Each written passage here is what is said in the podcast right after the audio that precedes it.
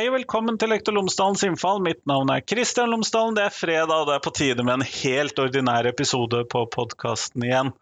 Denne gangen så snakker jeg med førsteamanuensis Jeffrey B. Hall fra Universitetet i Oslo, hvor han jobber på, eh, med lærerutdanning og utdanningsrett. Vi snakker om hva utdanningsrett er, og vi snakker også om skolelederes rettigheter, plikter, ansvar og i det hele tatt. Så det er en liten rektorepisode med andre ord.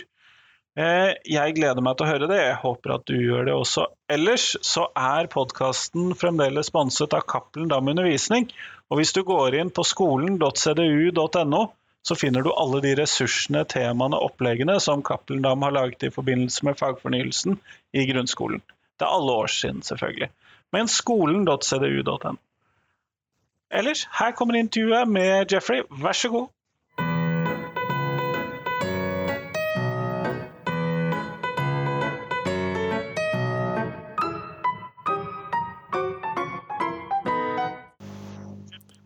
Jeffrey Hall, tusen takk for at du har tatt deg tid til meg i dag. Hyggelig å være her. Før vi starter selve intervjuet, så hadde jeg håpet at du kunne fortelle lytterne mine tre ting om deg selv, sånn at de kan få bli litt bedre kjent med meg. Ja, jeg kan jo si at uh, første ting er at jeg jobber med utdanning av skoleledere, eller de som vil bli skoleledere. Uh, Bl.a. innen det området vi skal snakke om i dag, uh, nemlig utdanningsrett, for å kalle et sånt, for å bruke et sånt begrep. da. Uh, ja, og så er jeg født i USA, bodd i Norge i uh, 42 år snart. Uh, og så har jeg tidligere jobbet som mellomleder i skolen og lærer og praksisveileder i en 17-18 år. Så det var tre ting. Det høres ut som tre ting, ja. Absolutt. Og det er jo nettopp tilsyn som vi skal ta også snakke om her i dag, eller starte med. Og dette går jo da på plikter og rettigheter man har som skoleleder. Og dette er et tema du har forsket på, sånn som jeg forstår det? Ja, det stemmer. Tilsyn var for så vidt noe som har fulgt meg over lengre tid. Før jeg begynte som forsker, så gjorde jeg en masteroppgave der hvor jeg nå jobber, på samme studie. Og da skrev jeg om tilsyn i England og jobbet med en case der. Og så var det et tema som jeg tok med meg da jeg skulle begynne å forske på det samme temaet og skrive en, en doktoravhandling, som jeg ble ferdig med i 2016. Så dette med tilsyn har opptatt meg i, i ganske lang tid. Um, men når vi da snakker om tilsyn, hva er det vi mener da? Fordi at jeg antar at de fleste lærere i hvert fall ikke er borti det sånn titt og stadig. Nei, det, det, er et veldig godt spørsmål. Eh, tilsyn er veldig mye, eh, og det er veldig mye som ikke er tilsyn. Eh, men tilsyn det er et gammelt norrønt begrep som kommer fra Eller det betyr rett og slett å se til. Det kan også bety andre ting, som f.eks. å overvåke eller kontrollere. Og det, det kan vi kanskje kanskje komme litt inn på. Men uh, når, jeg, når, jeg, snakker om tilsyn i norsk forstand, så tenker jeg på felles nasjonalt tilsyn. Og det er det vanlige tilsynet som gjøres av uh, det som tidligere het Fylkesmannen og Utdanningsdirektoratet når det gjelder privatskoler. Og Fylkesmannen heter jo nå Statsforvalterembetet fra januar 2021. Så det er på en måte den, den formen for tilsyn som jeg har forsket mest på. Men vi vet jo at det gjøres tilsyn i veldig mange andre kontekster. Innenfor helseområdet, innenfor eh, sosialområdet og innenfor ja, Vi har mattilsyn, arbeidstilsyn og veldig mange ulike former for tilsyn. Eh, så det, det var et veldig godt spørsmål å få en, få en avgrensning der i begynnelsen.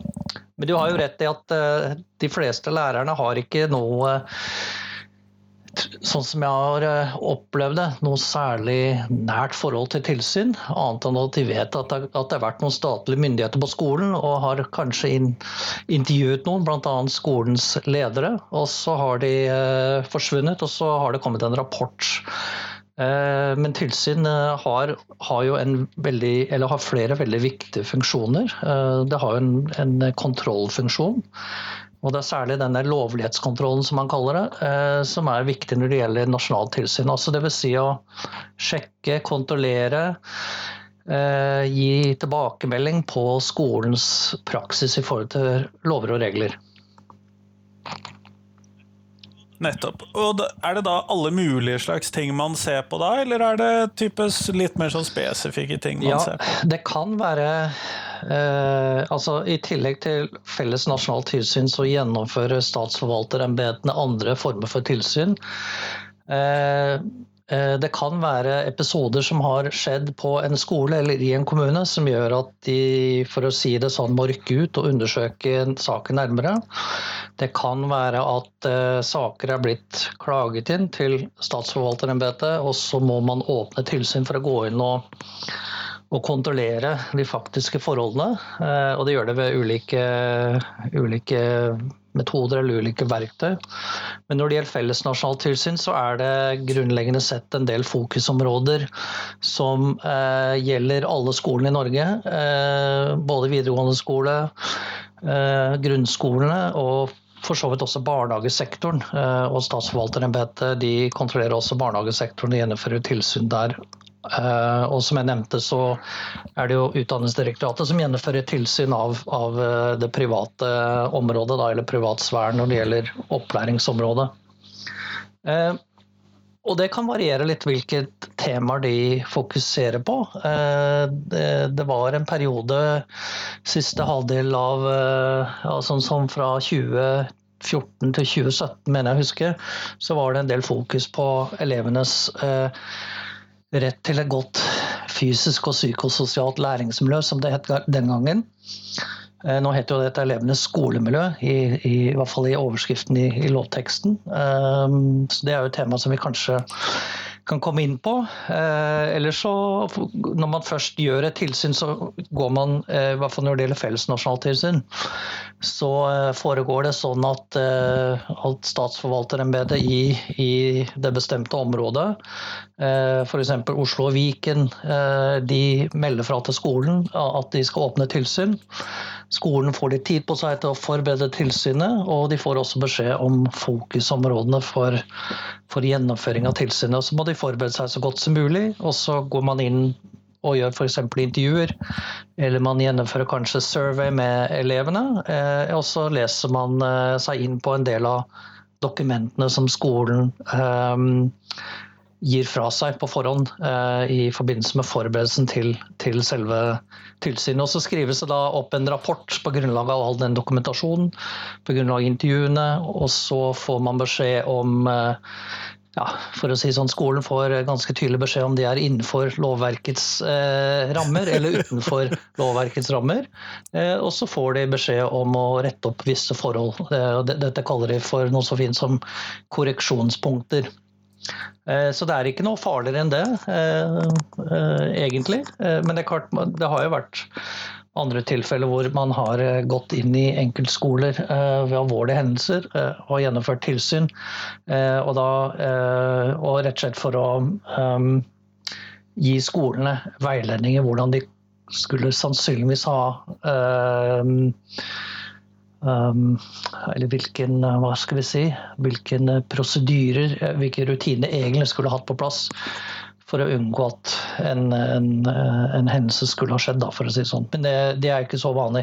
Så det mest vanlige er, er felles nasjonalt tilsyn. I tillegg så, så, behandler jo statsforvalteren veldig mye klagesaker. Det er jo en viktig del av statsforvalterens jobb, f.eks klage på, eh, eh, på standpunktkarakterer, klage på, stam, på eksamenskarakterer osv. Ja, det er jo mange enkeltvedtak i norsk skole. Ja, det er det. Det er, det. Det er jo en viktig del av skolelederens hverdag å, å skrive enkeltvedtak. Uh, og enkeltvedtak gjør at man får på en måte bekreftet en, uh, en individuell uh, rettighet, som f.eks. en elev har. Det kan være et vanlig eksempel eller hvor det gjøres enkeltvedtak her når det gjelder spesialundervisning.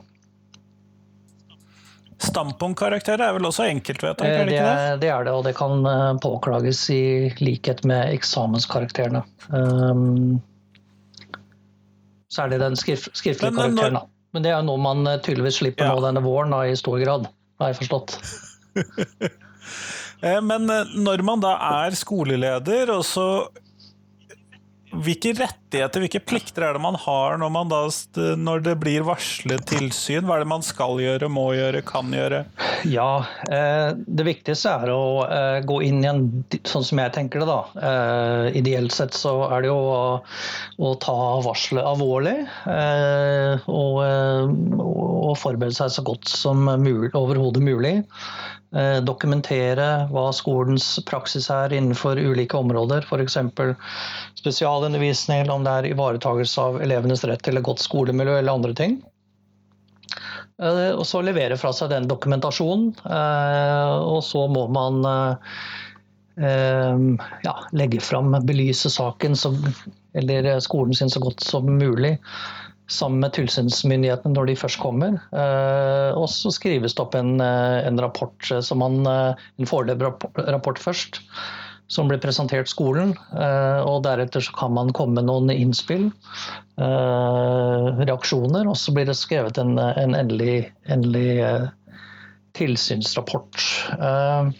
Så det er, en, det er en veldig, på en måte en veldig byråkratisk prosedyre, eh, eller en prosess. På den annen side så er det jo en, eh, slik jeg tenker det, eh, og ideelt sett fra lovgivernes side, så er det jo en måte å hjelpe skolen til å bli bedre forvaltere og, og, og fortolkere av lovverket, som er, som er ekstremt omfattende.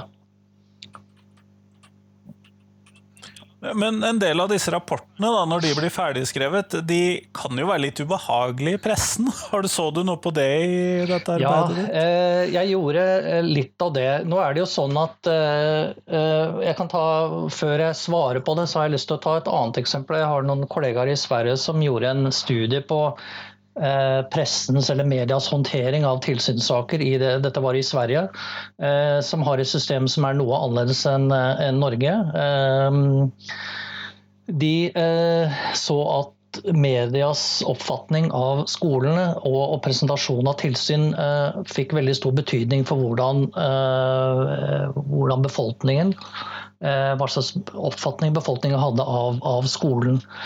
Eh, så det er klart Medieoppslag kan, eh, kan, være, kan, være, krevende for en skoleleder å forholde seg til. Eh, når det gjelder tilsyn i Norge, så har felles nasjonalt tilsyn iallfall, så har det vært relativt få medieoppslag de siste, i hvert fall siden felles nasjonalt tilsyn ble gjeninnført i 2006. Så har det ikke vært veldig, veldig mange oppslag. Da har det gjerne vært type enkelthendelser som har medført Eh, tilsyn, og hvor medieoppslagene har blitt ganske omfattende. Eh, men når det gjelder felles nasjonalt tilsyn, så, så, er det relativt, i hvert fall sammenlignet med Sverige og andre land, så er det relativt få oppslag. Eh, og hvis vi drar enda lenger til der hvor jeg startet med å fortelle om min, min masteroppgave i sin tid, i England, der har man en tilsynsmyndighet som heter Ofsted. Eh, og som er en eh, ganske eh, mer krevende system enn enn det norske, men også det svenske. Og der er det sånn at Når det er gjennomført tilsyn av skoler i England, av Ofsted, så blir de rangert på tre ulike nivåer. Alt fra outstanding til failing. Dersom du havner for karakter, for å bruke sånt begrep, eller vurderingen failing, så har du et veldig stort problem. Og det høres sånn ja, ut. du kan si at det medfører i verste fall til at skolen blir nedstengt, særlig hvis det skjer eh, to ganger på rad. For dette, dersom en skole i England får failing, eh, vurdering eh, på sin rapport, så, så, kommer det et nytt tilsyn relativt kort tid etterpå for å se om det er blitt noen endring eller ikke. Nettopp, nettopp. Det høres ut som et mer hva skal vi kalle det, håndfast system enn det norske. Da. Det kan vi godt si. Uh, man snakker i, uh, innenfor uh, styring av skolen så snakker man bl.a. om, uh, om low stakes and high stakes, for å bruke et sånt, uh, sånt, uttrykk. Og Norge er i veldig stor grad internasjonalt sett det vi kan kalle en low stake context. Altså, man har lover og regler, man har tilsyn, men det er ikke, som regel ikke veldig alvorlige implikasjoner eller resultater av, av, i forhold til andre land. Eh, det er jo ikke sånn at eh, hvis en norsk skole får et dårlig resultat på fellesnasjonalt tilsyn, så blir, det, så blir det nedlagt, som godt kan skje i, i, i, England, og for så vidt også i Sverige. I Sverige har det, har, det, vært flest privatskoler som har blitt nedlagt. Eller har i hvert fall fått tydelig beskjed om å rette sin praksis. Så, så har det stort sett gjaldt privatskoler, som, som, er en uh, Eh, som det er mange flere av i Sverige eh, i forhold til Norge. da. Det høres jo ut som deler av venstresidens eh, litt våte drøm å kunne legge ned friskoler som får en del sånne tilsynssaker mot seg, må jeg innrømme. ja, det... Uten at du skal trenge å kommentere nei, på det. Nei, jeg har, I min forskning så har jeg sett på, på tilsyn av, av offentlige skoler. Nettopp, nettopp, nettopp. Men du har jo tråkket fram denne her um, elevenes skolemiljø osv. Er det da snakk om denne 9A-kapitlet som du trekker fram da, eller er det andre deler av opplæringsloven du trekker fram? Ja, eh, vi kan godt starte med 9A, men vi, kanskje, kanskje, vi skal heller starte med, eh, med Grunnloven. Eh, grunnloven har jo tatt Ja, gjør det. Grunnloven er jo viktig. Den har jo tatt inn en del av FNs barnekonvensjon. Og Der står det ganske tydelig i Grunnlovens et, mener å huske det er paragraf 104. Der står det ganske tydelig at uh, alle barn har um, Eller at uh, det som foregår i skolen skal ta hensyn til barnets beste. Og Det er et grunnleggende prinsipp i og med at det står i en grunnlov som selvfølgelig står over f.eks. opplæringsloven og skal eh, gjennomsyre alt det som foregår i, i, i, og rundt skolen. Ikke bare i forhold til undervisning, men, eh, men også det som foregår utenfor undervisningen. Eh, og Det er klart, det er jo en tydelig sammenheng mellom da barnets beste, som er grunnleggende prinsipp, og elevenes rett til et godt skolemiljø, som det, som det heter nå siden, siden 2017. Nettopp. Så, så, der er det en sammenheng. Men er det da Gir det noe hva skal vi kalle ekstra påtrykk for rektor som skoleleder til å skulle følge dette? Hva tenker du om ja, det? Det er, et, eh, det er et stort spørsmål. Eh, som du vet, og som lytteren også vet, så har jo dette med kapittel 9a, eh, innføring av nye kapittel 9a, som jeg kaller det, eh, med stor A, i motsetning til tidligere hvor det var med liten A. Eh, det pleier jeg å poengtere overfor studentene mine. Eh, det har jo medført at eh, man har måttet i norsk skole, også som rektor nå snakker vi veldig mye om rektor, men vi kan godt snakke litt om mellomleder også, som, som har en viktig rolle i styringen av norsk skole, også i forhold til det pedagogiske arbeidet. Det, denne endringen, kalle kursendringen, med kapittel 9a, det har jo medført at man har måttet gjøre noen en, en, tydelig sånn som jeg tenker, en tydelig dreining i forhold til praksisen i, i norsk skole. Eh, og eh, dette med aktivitetsplikten eh, har jo tydeliggjort, tydeliggjort eh, i stor grad rektors og skolens ansvar for å ivareta elevenes skolemiljø. Eh, men NIA har jo veldig mange deler. Eh, og en annen del er jo, er jo, er jo paragraf 9a5 Eh, som, som, tydeliggjør at eh, skolens forpliktelser dersom en lærer eller en ansatt ved skolen har vært eh, involvert i, eller i hvert fall anklaget for uheldige forhold som virker inn på elevenes skolemiljø. Og det, det har jo medført store diskusjoner.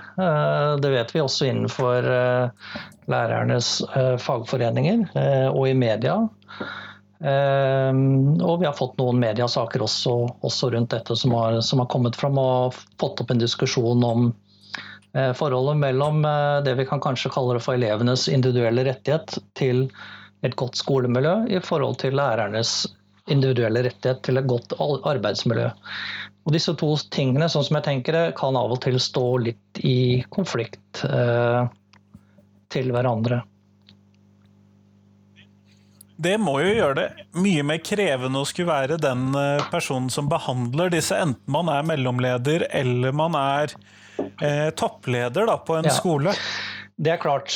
Eh, denne endringen i, i, i, lovverket den har jo medført ikke det at skolen har vært mindre bevisst på elevenes læringsmiljø eller skolemiljø enn tidligere, men de har fått i hvert fall, sånn som jeg oppfatter det, tydeliggjort hvilke krav som stilles overfor skolen. og og kanskje gjøre noen endringer i forhold til kalle forebyggende arbeid rundt. Eh, for det, dette med forebyggende arbeid eh, er jo også viktig. Det er jo ikke bare å gripe inn i saker når det kommer en klage, men det er rett og slett hele tiden eh, at skolen, dvs. Si foreldre, lærere, ledere og elevene sammen, eventuelt representanter for elevene, sammen jobber for å, å, å forebygge den type hendelser og at, uh, man, uh, at, flest mulig elever skal få ivaretatt den individuelle rettigheten til et godt skolemiljø. Som, som vi vet, uh, så er det jo en, en, en, tydelig sammenheng mellom trivsel og læring. og uten god trivsel i skolen så foregår det nokså liten læring. og læring er jo det viktigste man driver med i skolen. Um, og dette, dette, er jo, uh, dette, er jo, krevende. Uh, vi kan jo kanskje komme litt mer inn på det, jeg vet ikke. Uh, fordi de aller fleste skoleledere, både mellomledere og rektorer, de har ikke nødvendigvis formell kompetanse innenfor juss, men er nødt hele tiden til å forholde seg til, til lover og regler i sitt daglige arbeid. Ja, nei, fordi at Rektorer skal jo stort sett være hentet fra det pedagogiske personalet. eller De skal i hvert fall ha pedagogisk utdannelse, og det er det få jurister som har, eventuelt motsatt. Ja, det, det kan vi si. Eh, det er jo et viktig eh, grunnprinsipp i eh, paragraf 9a. og Da tenker jeg ikke på kapittel 9a i opplæringsloven, men paragraf 9a. Der står det helt, helt tydelig rektors forpliktelser, og også hvem som kan bli rektor. og En del av det er å ha pedagogisk og administrativ kompetanse, som det står. Og Når du da snakker om eh, paragraf 9a, så er det den med liten bokstav? Det er fortsatt eh, den med liten bokstav. Eh, ikke kapittel 9a, som kommer som et eget kapittel etter paragraf 9a. Dette er litt vanskelig. Ja, eh, det, man skal holde tunga rett i munnen, i hvert fall.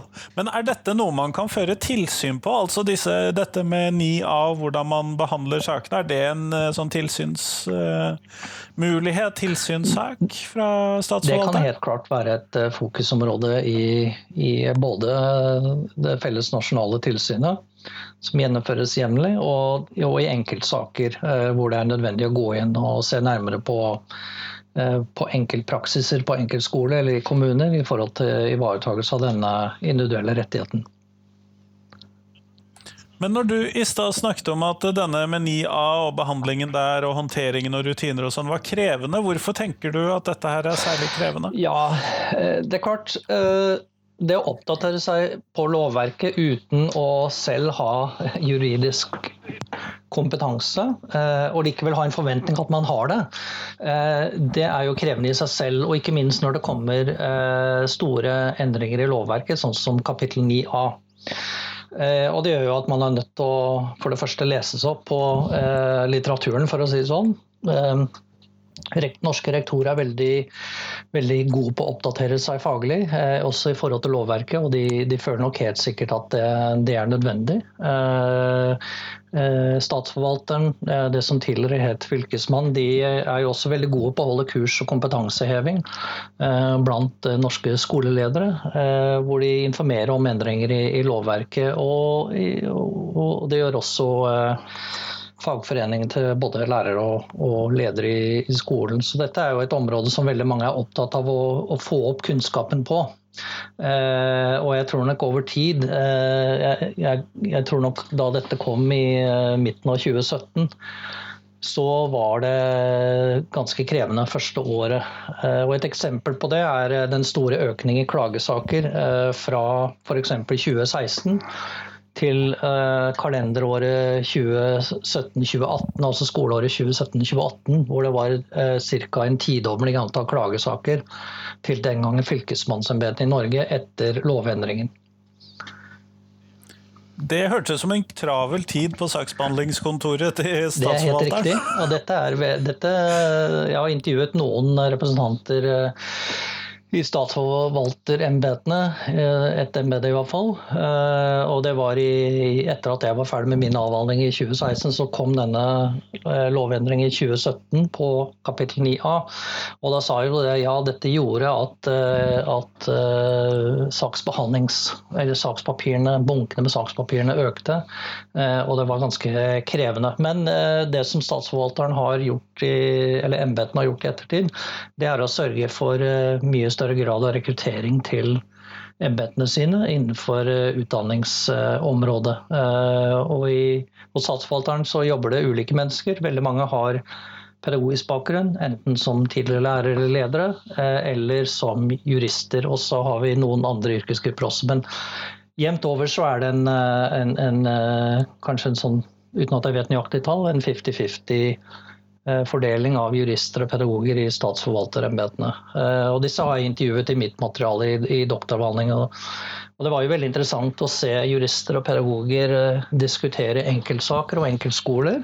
Og det kommer jo fram i materialet at de på den ene siden har ulike oppfatninger av hva som er viktig i skolen, men de ser også nødvendigheten av hverandres kompetanse i det arbeidet med å drive tilsyn i skolen. Det er ja, godt å høre. Så, eh, så det, ja, det, det, er jeg helt enig i. Så de, de, anerkjenner hverandres kompetanse og oppfatter at, eh, at, begge yrkesgruppene, for å kalle det det, eh, pedagoger og jurister, er nødvendig for å få en, et godt bilde av, av skolens og kommunenes juridiske praksis, og barnehagens. da. Men når vi ser på skolen, hvis vi kommer oss ned til skolen igjen, er det mulig å se på rektor som en selvstendig juridisk aktør i denne skolehverdagen, eller er de mer hva skal vi kalle, bundet opp i dette vervet som rektor? Denne, eller som skolen, ja. da? Uh, er det mulig å skille de to i det hele tatt? Uh, det er vanskelig å skille de to. På den ene siden så er det man har, man har, et mandat, man har gitt et mandat som rektor. Eh, Dvs. Si at du skal forvalte loven eh, og regler. Det gjelder både lovverk og forskrifter eh, og veldig mange andre styringsdokumenter. Man skal forvalte det så godt som mulig innenfor de rammene man har, og den kunnskap man har om lovverket. På den annen side så handler jo skolen også veldig mye om pedagogikk det handler om hva som foregår i klasserommet. At man sammen med mellomlederen må følge opp det som faktisk foregår i klassen.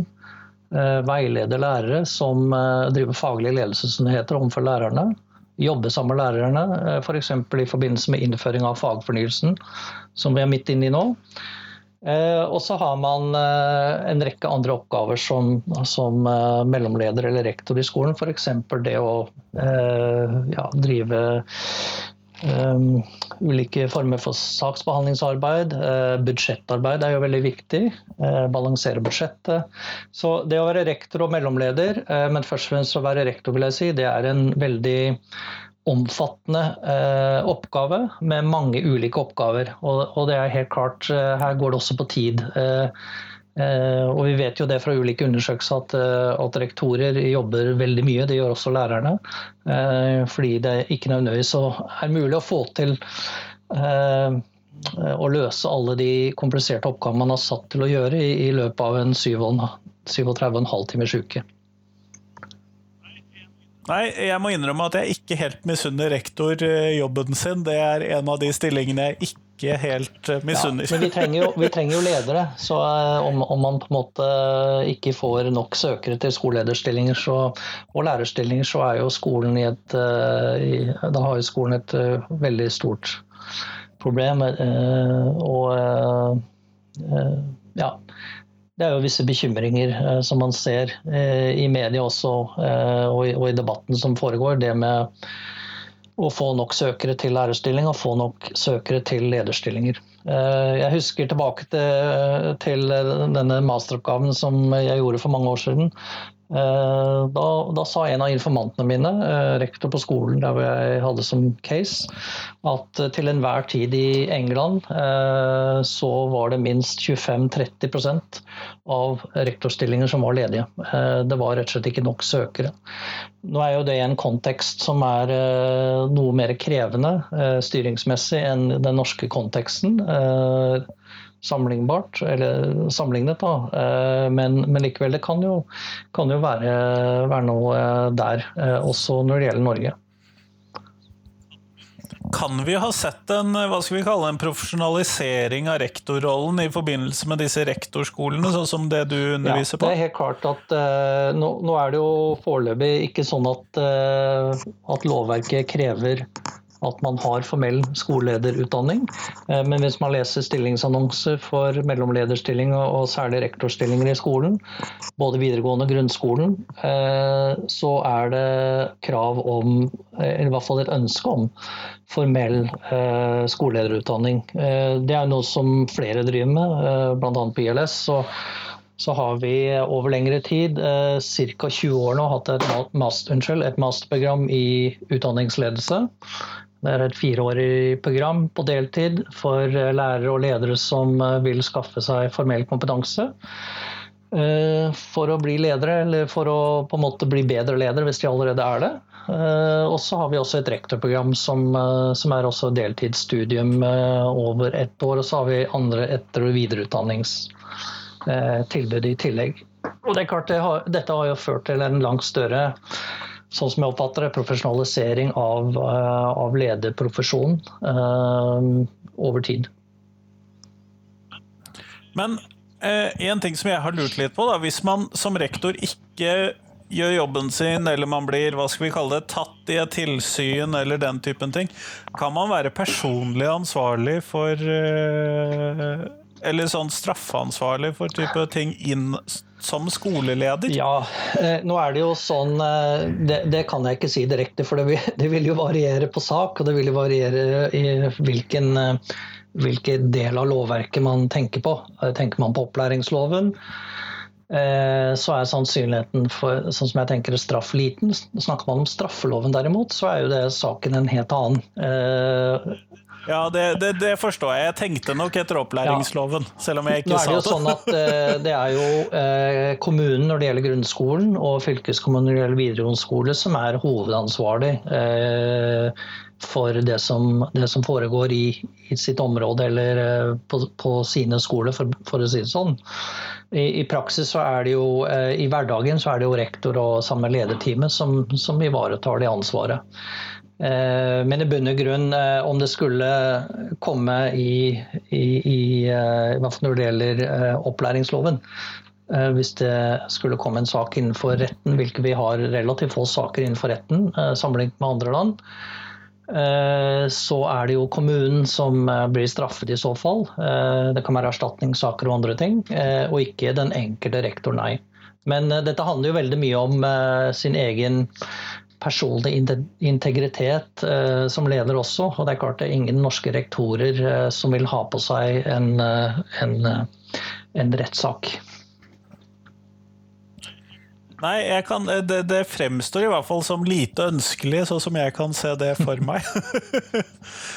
Men hvis man er som lærer eller rektor er interessert i dette emnet som vi snakker om, sånt med utdanningsrett. Da, for, jeg, for, meg så fremstår det som et litt sånn ukjent tema i Norge. Den, akkurat den kombinasjonen av jussen og ja. skolen.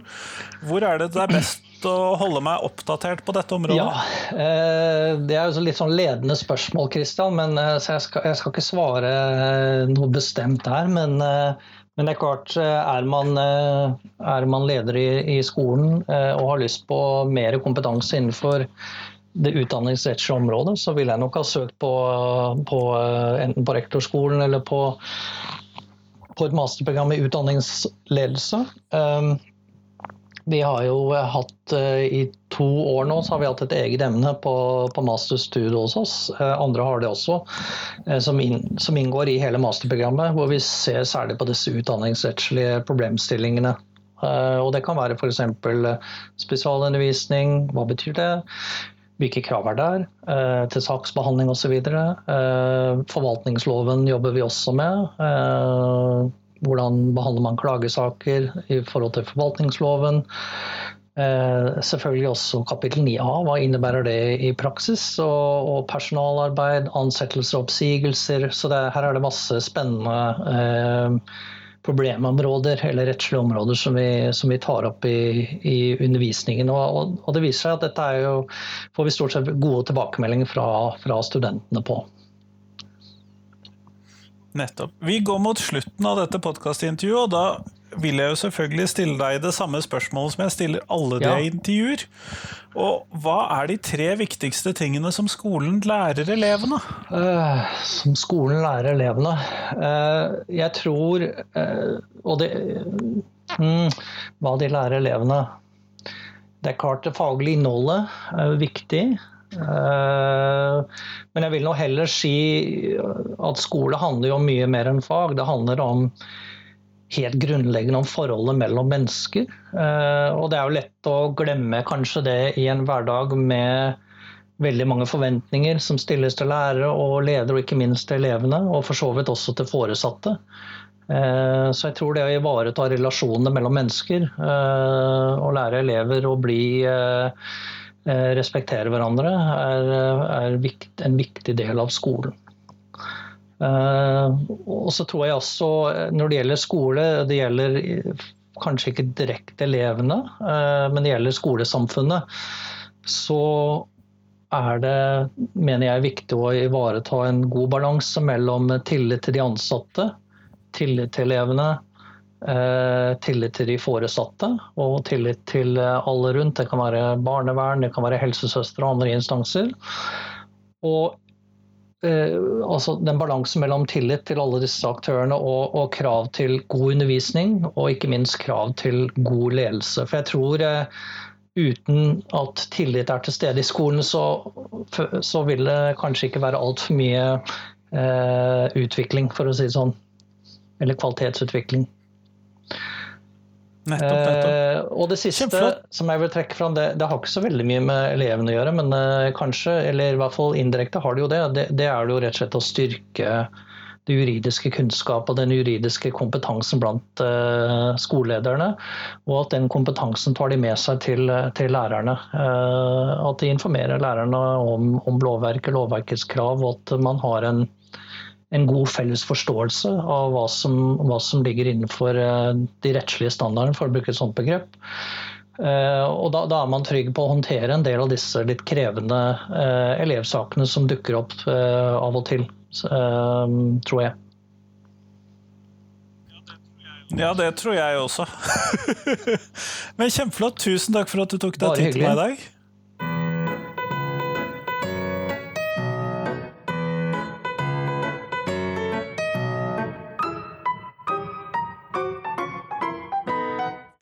Tusen takk til Jeffrey, og tusen takk til deg som har hørt på.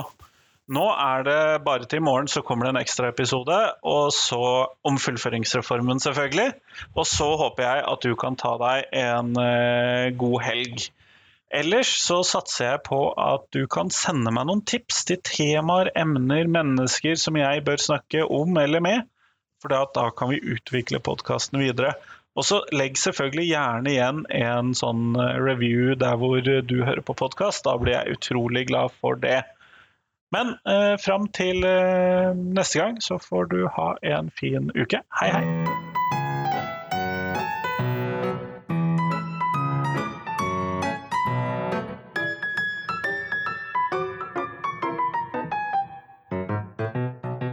Jeg trenger tips ikke bare om mennesker jeg skal intervjue, men også om temaene jeg skal intervjue folk om.